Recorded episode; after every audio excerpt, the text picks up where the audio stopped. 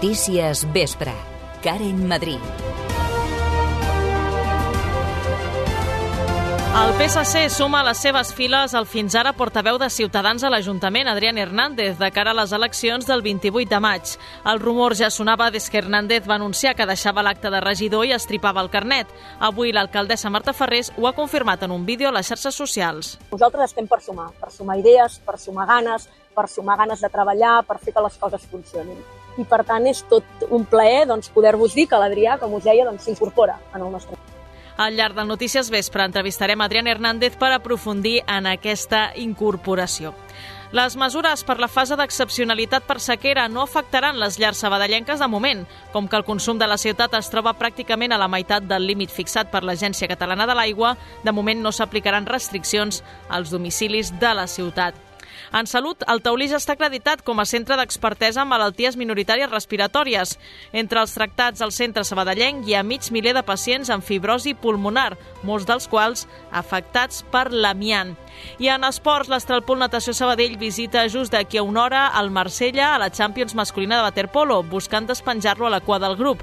Després de guanyar 6 a 8 al CNB per seguir líder invicte de la Lliga, l'equip de Quim Colet busca la segona victòria a Europa. La primera va ser contra els francesos per 13 a 11 a la primera volta. Aquestes i altres notícies les repassarem en la pròxima mitja hora amb el Francesc José a les vies de so. Notícies Vespre. Tota la informació a Ràdio Sabadell. Els serveis. Aquesta hora, situació bastant complicada a la xarxa viària més propera a Sabadell. A la P7 hi ha 3 quilòmetres de retencions a Barberà en sentit sud. A la C58, 3 quilòmetres i mig a Montcada en sentit Barcelona i un quilòmetre i mig al mateix municipi, però ja a la C33 també en sentit sud. Ja a la capital catalana, trànsit molt dens a la ronda litoral entre Montjuïc i el Fòrum en els dos sentits i a la ronda de dalt entre Diagonal i el túnel de la Rovira en sentit meridiana. El temps. Han remuntat lleugerament les temperatures. 11 graus tenim avui, 6 graus més que ahir a aquesta hora. Què hem d'esperar de cara a les pròximes hores? Li preguntem a la Carme Farnell. Bona tarda. Bona tarda. Durant les properes hores encara mantindrem aquests núvols que no acaben de marxar amb aquesta sensació de fred també, sobretot en punts del litoral i del prelitoral, com a conseqüència també dels núvols. I cap a l'interior el cel ha de dominar, ha d'estar més asserenat i també d'aquí que les temperatures hagin remuntat durant aquestes últimes hores. Tot i això l'ambient és fred a bona part del país i ho continuarà sent també de cara als propers dies, sobretot de la primera hora del matí que el cel tendirà a quedar més asserenat i podrà baixar una miqueta més la temperatura. En qualsevol cas, de cara a demà de nou han d'arribar bandes de núvols que també faran a la vegada que la temperatura màxima quedi un pèl més baixa. D'altra banda, pel que fa al buit, continuarà bufant el vent als dos extrems del país i la mar també es mantindrà un pèl alterada. Això és tot des del Servei Meteorològic de Catalunya. L'exregidor de Ciutadans, Adrián Hernández, fitxa pel PSC. Hernández s'incorpora a les files socialistes de cara als comicis del pròxim 28 de maig, consumant així un rumor que feia setmanes que circulava pel ple municipal. Ho ha anunciat la mateixa Marta Ferrés, alcaldessa i candidata socialista, a través del seu Instagram.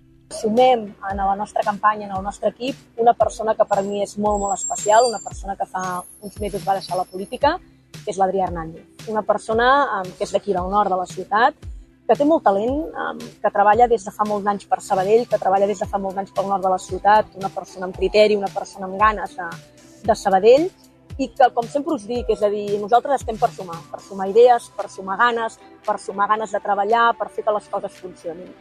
Adrián Hernández, bona tarda. Hola, bona tarda.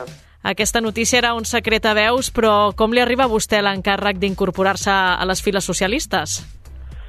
Doncs mira, el que era unes setmanes eh, per mi era bastant improbable, encara que molta gent eh, parlava, eh, doncs s'ha fet realitat en pocs dies, perquè és veritat que jo amb l'alcaldessa doncs hem parlat moltíssim, amb cafès, amb menjars, a reunions, parlant molt de la ciutat, eh, i sobretot quan ja es va fer públic no em presentaria, eh, però mai eh, pensava que, que, que hi hauria com una, aquesta possibilitat d'incorporar-me amb, amb, amb ella al projecte, no? I després de deixar-ho en, el, en el ple de febrer, doncs uh, va ser quan uh, m'ho va comentar i van, continuar parlant i al final estàvem d'acord pràcticament en tot i amb molta il·lusió ho, he dit que sí i amb moltíssimes ganes de, de tirar endavant doncs, projectes de ciutat i amb un lideratge molt clar que, que ha marcat l'alcaldessa en aquests primers quatre anys de mandat.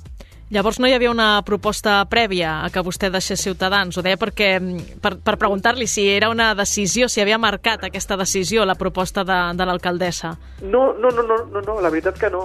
Nosaltres, eh, vosaltres ho heu seguit, els mitjans de comunicació, la primera part del mandat va ser una relació bastant complicada, no, no ens coneixíem, eh, al final eh, ella tenia els seus pactes de, de govern, però una vegada ens vam adonar que al final ella tenia els seus pactes de govern però que coincidien en molts aspectes de la ciutat, doncs van començar a agafar un feeling molt personal, molt de parlar molt de la ciutat, de projectes, però eh, sense res més, no? sense, sense segones intencions, per dir-ho d'alguna manera, i després eh, de l'estiu doncs, van començar a parlar molt més però sense cap proposta, i ha sigut ja aquest any i la decisió final d'una proposta en fer, de dir, escolta, el que m'agradaria és que s'incorporis perquè parlem d'això, de la ciutat, dels projectes, dels barris, de les flaqueses eh, i fortaleses del govern, etc.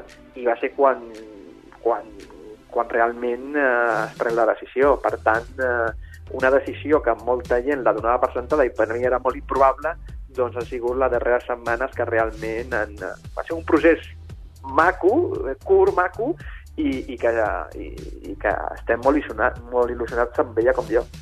Què, què suposa per vostè que, que comptin amb les files socialistes? Vull dir, és un reconeixement a la feina feta o també és com una aposta de, de futur, de, de compartir projectes, això que comentava, no? d'haver-ho parlat doncs, en, en contextos més informals i portar-ho a la pràctica? Sí, eh, és això, no? Al final, tot el que hem parlat eh, durant aquest temps, tot el que hem treballat eh, també, la meva feina també a l'oposició, eh, i al final estar d'acord amb moltes coses que creien que han de passar a la ciutat i, i que es compti amb mi doncs, també és un reconeixement, però aquí la figura de l'alcaldessa és, és molt important, no? quan veus que hi ha un lideratge quan veus que coses molt difícils acaben passant, doncs veus que hi ha un projecte i que val la pena doncs, eh, pujar-se al tren d'alguna manera per fer possibles coses que passin a la, a la ciutat. Al final la política la fan les persones i jo crec que és un projecte pensat per persones, per millorar la vida a les persones d'aquesta ciutat. Creu que dins del PSC podrà aportar coses que no podia aportar com a portaveu de Ciutadans?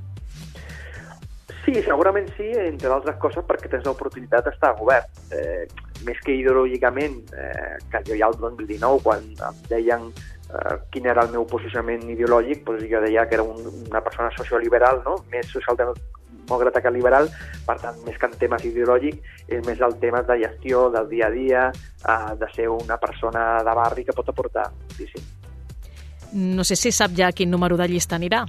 No, no, no hem parlat d'això. Encara no, no? No. I ja per últim preguntar-li, creu que la seva incorporació pot ajudar a canviar d'alguna manera els resultats del PSC a les eleccions del 28 de maig? Doncs, miri, jo aquí hi ha una figura que és la que tira realment, que s'ho ha guanyat, que és l'alcaldessa, i després tota la gent del seu equip doncs, intentarem ajudar i recolzar per obtenir el millor resultat possible. Doncs moltes gràcies, Adrián Hernández, per atendre la trucada de Notícies Vespre. Moltes gràcies, una abraçada. Notícies Vespre. Les restriccions per la sequera no afectaran l'ús domèstic d'aigua dels sabadellencs. Segons dades d'Aigües de Sabadell, la despesa per habitant i dia és de 104 litres, una xifra que suposa el 15% menys de la mitjana de Catalunya. Ho explica Xavier Cabanillas, director general d'Aigües de Sabadell. Ara, de cara al que és el consum domèstic no s'espera afectacions perquè és, és cert que la ciutat de Sabadell ja, ja ha fet la feina no? i que al ciutadà no se li pot demanar eh, que, que, que treballi eh, més per reduir el seu propi consum. És una ciutat molt resilient, el consum està al voltant dels 104 litres per habitant dia. Això és un, al voltant d'un 15% per sota la mitjana de Catalunya. Per tant, estem davant d'una ciutat que està preparada, que està treballant des de fa molts anys, un ciutadà que és molt conscient i, per tant, eh, aquest pas a excepcionalitat no portarà cap tipus de limitació a nivell de consum de boques. Una de les claus d'aquest estalvi en l'aigua és el projecte de regeneració que fa anys que s'ha establert a la ciutat. Actualment Sabadell dona un nou ús a l'aigua procedent de l'Edat Riu Sec i també a l'aigua freàtica procedent de pous i mines de la ciutat. A hores d'ara la xarxa de distribució d'aquesta aigua és de 33 quilòmetres, una xifra que vol ampliar fins als 55 quilòmetres per fer arribar aquestes aigües a poblacions veïnes com Sant Cugat o Cerdanyola. Núria Saperes, cap de Servei de Transició Energètica de l'Ajuntament, explica per què és tan important aquest projecte. L'aigua regenerada ens farà de suport doncs, perquè no hagin de captar aigua del medi natural, o sigui, que no hagin de dependre tant de la xarxa d'aigües Ter Llobregat, que és l'aigua principalment que ens arriba aquí a Sabadell. El 90% prové de l'aigua Ter Llobregat. Aquesta ampliació de la xarxa d'aigües regenerades dependrà del pressupost que rebin. I l'Hospital de Sabadell ja és un centre acreditat d'expertesa clínica en malalties minoritàries respiratòries. La certificació arriba després de més de 20 anys tractant pacients d'aquestes afeccions amb baixa prevalença. El coordinador de la unitat, Manel Luján, considera que la certificació servirà per atreure més recursos per la investigació, així com professionals interessats en desenvolupar-la. Són declaracions al programa al matí indirectament eh, recerca i clínica han d'anar lligats.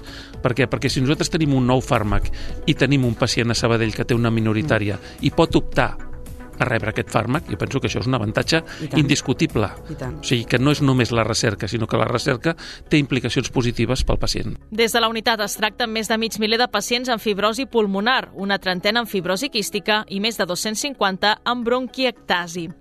Tres anys després de contraure el coronavirus, els primers afectats encara tenen símptomes diversos que incideixen sobre la seva vida quotidiana cada dia. És el cas de la Dolors Sánchez, afectada per la patologia, que després d'haver tingut Covid agut a l'inici de la pandèmia i d'haver estat ingressada, ja a casa ha tingut símptomes com els que ha descrit el programa El Cafè de la Ràdio. Molt cansament, o sigui, cansament brutal, tant mental com físic. O sigui, canso mentalment m'afecta físicament i al revés. Dolors musculars i articulars, això és diari i continu, no, no marxa.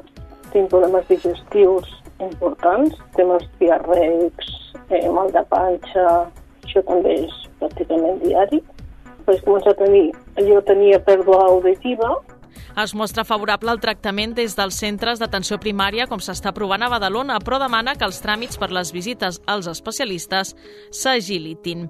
I les temptatives de suïcidi han crescut precisament arran de la pandèmia, en especial entre noies adolescents, segons dades del Taulí. Per capgirar aquesta realitat, la Generalitat està abocant més recursos als programes de prevenció que té en marxa. I ara l'Ajuntament s'hi afegeix amb una taula rodona amb motiu del Dia Mundial contra l'estigma. Es commemora demà i per això s'ha organitzat una taula sota el títol Parlem de suïcidi trenquem l'estigma. Carles Alaustell, representant de l'entitat Després del suïcidi, Associació de Supervivents, serà un dels participants. En una entrevista avui al matí, Alaustell ha defensat que les conductes suïcides són una realitat de la qual se n'ha de parlar.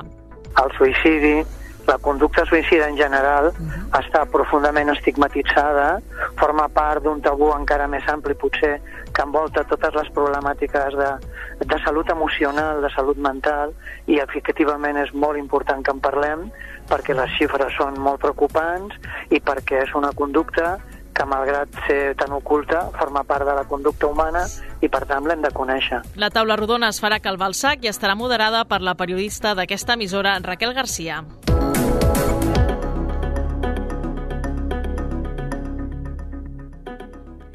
Falta la desigualtat. Aquest és el lema del cartell d'enguany del Dia Internacional de les Dones, el 8 de març. El programa inclou una cinquantena d'actes entre xerrades, espectacles, taules rodones i exposicions. Marta Morell, tinenta d'alcaldessa de Feminisme i Participació, ha explicat quin serà l'acte central. L'acte central de la taula de gènere i LGTBI de l'Ajuntament serà Llegim el 8 de març, durant el casal Pere IV, en un horari de matí com de la tarda, es aniran fent aquestes lectures amb poemes de, de dones i es podrà venir a recitar qualsevol dona que vulgui. Dones i èxit esportiu serà la taula rodona del 16 de març, moderada pel periodista de Ràdio Sabadell, Pau Vituri, on participaran les waterpolistes del Club Natació Sabadell, Marina Garcia i Marca Garcia, qui ha dit que és un honor donar exemple a les dones. Per mi és tot un honor ser un referent tant d'aquest club com de la ciutat, la que m'ha vist, la que m'ha vist eh, néixer i créixer i Per mi, participar en aquests moviments, la veritat que és un plaer, o sigui, ser això un referent de la dona, de l'esport, eh, és tot un orgull perquè, bueno, crec que jo he estat una de les que ha estat lluitant per aconseguir aquesta igualtat, juntament amb el meu equip i les meves companyes i gent que ha passat i gent que mm, va estar i ara no està, no? Els actes s'allargaran fins al dia 31. Avui també és notícia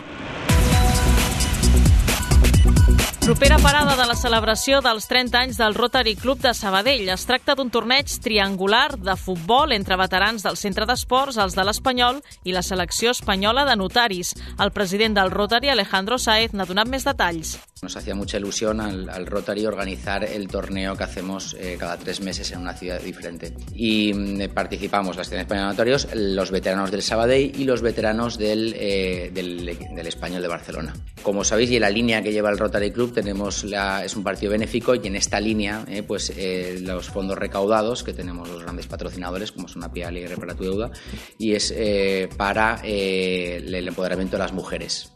Todos los fondos recaudados serán gestionados por el Rotary eh, y por eso le daremos la salida correspondiente. Al mes d'abril vindrà la següent convocatòria del 30è aniversari del Rotary Club. Es tracta d'una formació sobre aeronàutica a l'aeroport de Sabadell. I arrenca la segona edició de La Gran Pantalla, la mostra internacional de cinema de les persones grans. Es farà entre avui i diumenge i s'estructura en dos blocs. El primer, que inclou el passi de vídeos participatius en temes d'interès per al col·lectiu als tres complexos de gent gran de la ciutat.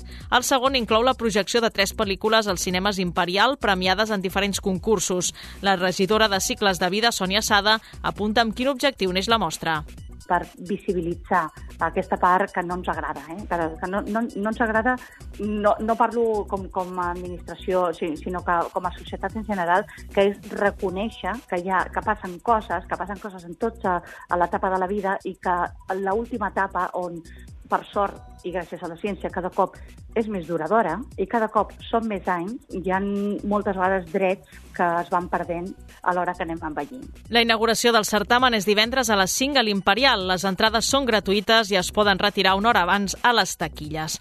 Una investigació situa el llibre dels jutges de la Seu d'Urgell com el text més antic escrit íntegrament en català. Així ho conclou un estudi de la Universitat Autònoma de Barcelona que presenta les homilies d'Organyà, copiat el 1220, com a segon document amb més antiguitat en llengua catalana. Tania Alaix, una de les persones encarregades de la investigació, ha destacat que la conclusió més important és que el text data d'entre els anys 1060 o 1080. En declaracions al cafè ha apuntat com ho han pogut comprovar justament aquest fragment, que és un, és un poli, doncs els marges, ningú havia parat atenció que aquests marges estan socarrats pel foc. Aleshores, això, a més a més, eh, hem sabut que eh, a la canònica d'Organyà era sabut que al 1090 hi va haver un incendi. Nosaltres, eh, doncs, eh, ens ha servit també aquesta data eh, com la data anterior a la qual eh, eh, podem fer referència en aquest estudi. A l'Ajuntament, amb Jesús Alturo, catedràtic del Departament de Ciències de l'Antiguitat i l'Edat Mitjana, recullen la investigació al llibre Lletres que parlen. En cultura, l'Associació d'Artistes Plàstics i Visuals de Sabadell denuncia que l'equip de govern no té voluntat d'aplicar les millores que proposen per al Museu d'Art. Així ho ha destacat una de les seves integrants, Montse Sanya, després de la quarta reunió amb l'Ajuntament. No hi ha voluntat de, de fer aquestes coses i amb l'excusa de que, clar, això és molt car. Si tu dius, haig de buidar tal cosa, és molt car, tot és molt car i per tant és la manera que no cal fer res perquè no tenim pressupost, perquè no hi ha prous diners. Ara jo crec que a l'abril ens diran no, no s'ha pogut invertir, no podem posar diners. Però és que les coses a vegades no s'han de fer d'aquesta manera. A vegades tu has de començar a poc a poc per engegar el carro i després ja pots generar. Sí. Entre altres coses, des de l'associació demanen la convocatòria de la plaça de direcció del museu, la creació d'una pàgina web de l'equipament i l'impuls d'exposicions d'art contemporani, encara que fos fora de la Casa Turull. I la sabadellenca Venus ha estrenat avui el seu nou àlbum, Boca Terrosa. He fet un espai entre veure't a prop. He tardat dos vespres foscos i una cosa... El projecte va néixer a l'habitació de casa seva en plena pandèmia i des d'aleshores no ha parat d'evolucionar. Ara, però, la sabadellenca presenta el seu primer disc on s'hi poden trobar lletres molt intimistes, tal com explica ella mateixa. Crec que he parlat molt del procés de desintoxicar-te de, de com males gestions, males vibres, o sigui, aprendre com a conèixer per marcar els teus límits i, i cuidar-te, o sigui, saber en quin moment, uh, o sigui, aprendre a deixar les coses que et fan mal i és com alliberar-te i parla sobre l'alliberament mentre jo m'alliberava fent-lo, diguéssim, una mica com musicoteràpia. El primer concert de, de presentació del nou disc serà el pròxim 16 de març a la sala La Nau de Barcelona.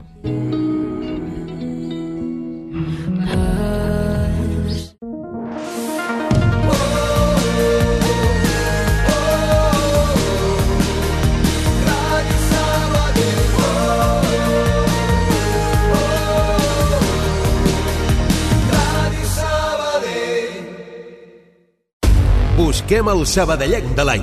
Ens ajudes a trobar-lo? Laura Andrés, Maria Antònia Cavistany, Caral Castellet, Antonio Martos o Tomàs Pladevall. Entra a la pàgina web de Ràdio Sabadell i vota la persona més destacada de la ciutat d'aquest últim any, fins al 14 de març a les 12 de la nit. Segona edició del Premi Sabadellenc de l'any. Organitza i Sabadell amb la col·laboració de Ràdio Sabadell. Ens ajudes a trobar-lo? Ràdio Sabadell. Notícies vespre. Fora de Sabadell i la comarca. La Moncloa diu que les informacions sobre l'operació Catalunya comandada pel Ministeri de l'Interior en els temps de Jorge Fernández Díaz posen de manifest una situació greu. De fet, insisteixen que es van utilitzar aparells de l'Estat en benefici partidista del PP. Tot i això, creu que la justícia està funcionant tenint en compte que s'ha acceptat la querella presentada per Sandro Rossell. Encara en l'àmbit de la justícia, el govern demana a la Fiscalia Superior de Catalunya que investigui el ciberatac durant la consulta del 9-N del 2014. La consellera de Presidència, Laura Vilagrà, alerta de la gravetat extrema que suposaria que un empresari israelià dels serveis d'intel·ligència i organismes de seguretat governamentals estigués al darrere d'aquest ciberatac. A banda d'obrir la via judicial, el govern també encaminarà en uns dies la via civil. Esports.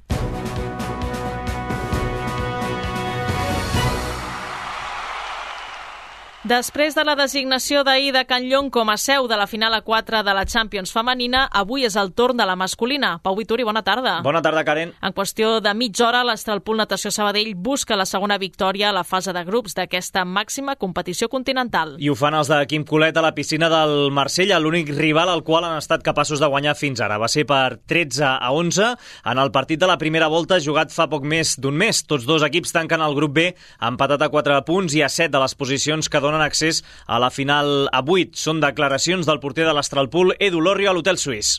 creo que no será un partido definitivo, pero sí que es verdad que marcará un poco el devenir de, de esta, de esta segunda vuelta. Eh, si, si el, el, partido, el, el, equipo que gane, pues al final tendrá más opciones de poder competir por la sexta, la quinta, la cuarta plaza y, y, y evidentemente dependerá de ese equipo el, los enfrentamientos con el resto, pues lo que las opciones que pueda hacer de, meterte en, finales. Pero bueno, creo que nuestro objetivo no debe ser mirar más allá que el partido de hoy y pensar que que lo que debemos hacer es un gran partido, estar sólidos en defensa y aprovechar, aprovechar nuestro potencial en ataque para, para poder ganar el partido. La novena jornada ha arrencat a les 7 amb el JUC OSC. A tres quarts de 8 es juga el Novi Beograd Ferencvaros a les 8. Aquest Marsella Astralpool i a dos quarts de 9 el Brescia Spandau. Caral Castellet debuta demà al matí al Mundial de Snowboard de Bakuriani, a Geòrgia.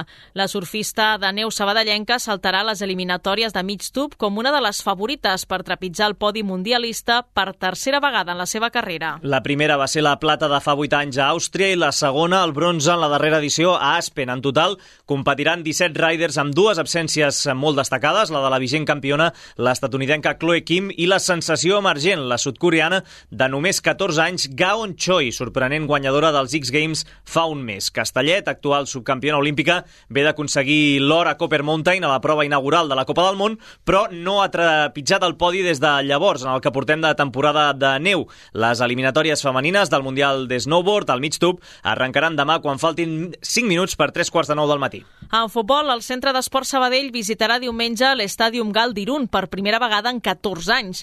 L'últim precedent és de nefast record per als arlequinats, la polèmica eliminació a les semifinals del play-off contra el Real Unión. Aquell dia l'àrbitre Ortiz Blanco va xiular un penal molt rigorós i va obviar un gol fantasma de Joel Álvarez, que hauria classificat el Sabadell. El de Juneda, des de Londres, no oblida aquesta acció. La veritat que, que, que mai s'acaba de passar pàgina, però almenys per mi. Eh? És, és un record que, que sempre que, que em ve pues, encara, encara i penso i, i la veritat, no, no, no, no va acabar mai de, de, de passar pàgina, no? I, i clar, de pensar que, que hagués passat si, si aquell gol hagués pujat, hagués pujat al, al marcador. El col·legiat Ortiz Blanco ha declinat avui fer declaracions en antena a Ràdio Sabadell, però assegura que encara a dia d'avui no sap, veient les imatges, si aquella pilota va arribar a entrar o no. A tot això, l'equip de Miqui Lledó ha tingut eh, dia lliure avui, demà tornada a la feina i compareixença en roda de premsa del Pichichi Pau Víctor. El Real Unión Sabadell serà diumenge a les 12 a l'Estadi Repassem més breus de futbol. Guillem Llorenç, bona tarda. Hola, bona tarda. Victòries del Mercantil i el Sabadell B abans del segon derbi de la Lliga Nacional Juvenil. Doncs sí, els mercantilistes van guanyar 2 a 0 al Martinenc per seguir sent el segon millor juvenil A. L'equip de Marc Xalabarder va dominar el partit, però li va faltar efectivitat per guanyar amb més contundència encara. En parla Àlex Monera, jugador blaugrana. Nosaltres tenim molt gol, som el segon equip més, més golejador, l'únic que, bueno, que el porter va influir, vam tindre dos pals i a vegades algun partit no t'entren, però ja et dic, crec que l'equip està molt bé i els, i els jugadors d'atac que tenim són molt bons i, i ens donen moltes opcions de cara al final.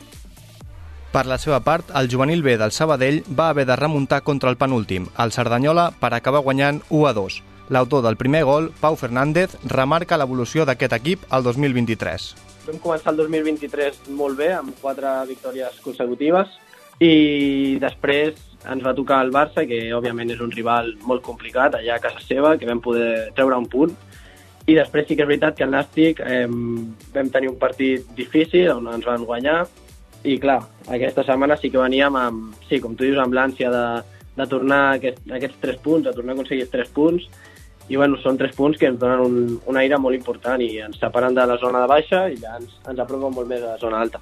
Un esglaó per sobre, a tot això, el divisió d'honor del Sabadell va empatar un al camp del Nàstic de Tarragona i segueix amb un coixí de 9 punts respecte del descens. A segona catalana, el Tibidabo s'ha quedat sense opcions matemàtiques de jugar a les fases d'ascens. Els de Toni Sallés van perdre a casa per un contundent 1 a 6 contra el líder, el San Juan de Moncada un marcador condicionat per l'expulsió de David Milán a la primera meitat amb empat a 1. Toni Sánchez, jugador del Tibidabo, reconeix el cop dut que va suposar l'1 a 3 només començar la segona. Bueno, la segunda parte era seguir compitiendo, sabíamos que ellos bueno, no iban a generar superioridad y a partir de ahí nos harían daño. Marcan un gol temprano y creo que ahí ya bajamos los brazos. Per la seva part, el Can Rull també s'ha complicat la vida amb la derrota per 0-1 a casa contra el Badia. Lluri Granado és el porter dels de la zona oest. Nosotros tuvimos muchas, muchas ocasiones, ¿no? Tanto ellos como nosotros. Tuvimos la segunda parte del penalti, que bueno, chutábamos, fallamos, ¿no? Y, y bueno, a partir de ahí pues, pues, fue un poco el partido a, a, remolque, ¿no? Porque ellos tuvieron muchas ocasiones, nosotros tuvimos solo tres claras también, que al final no, no conseguimos meter. Els de José García Numoski tenen el Ripollet a 4 punts quan només falten 6 per jugar-se. El tercer sabadellenc, en discòrdia, el Sabadell Nord, va descansar i tornarà a l'acció contra el Natació Terrassa. I acabem amb futbol sala perquè el Club Natació Sabadell i l'Escola Pia van calcar resultats en les victòries del cap de setmana de la segona B. Sí, els escolapis es van imposar 2 a 5 al Canet, eh, sumant així la segona victòria consecutiva per aferrar-se a la permanència. Dos punts es col·loca ara la Pia de la zona de salvació i de retruc s'allunya encara més del Cué Ripollet, que va estar a punt de donar un ensurt al club al pavelló nord. Al final, els d'Adri Sánchez es van imposar per 5 a 2. Cinquè se situa el club en aquesta aquesta segona B, apropant-se així a 4 punts dels llocs de play-off.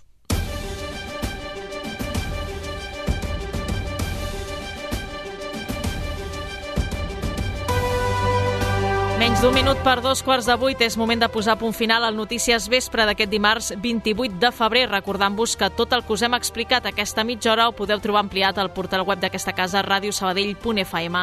Tornem amb més notícies a la 94.6 demà a partir de les 8 amb el Cafè de la Ràdio. Que acabeu de passar un bon dia. Adéu-siau.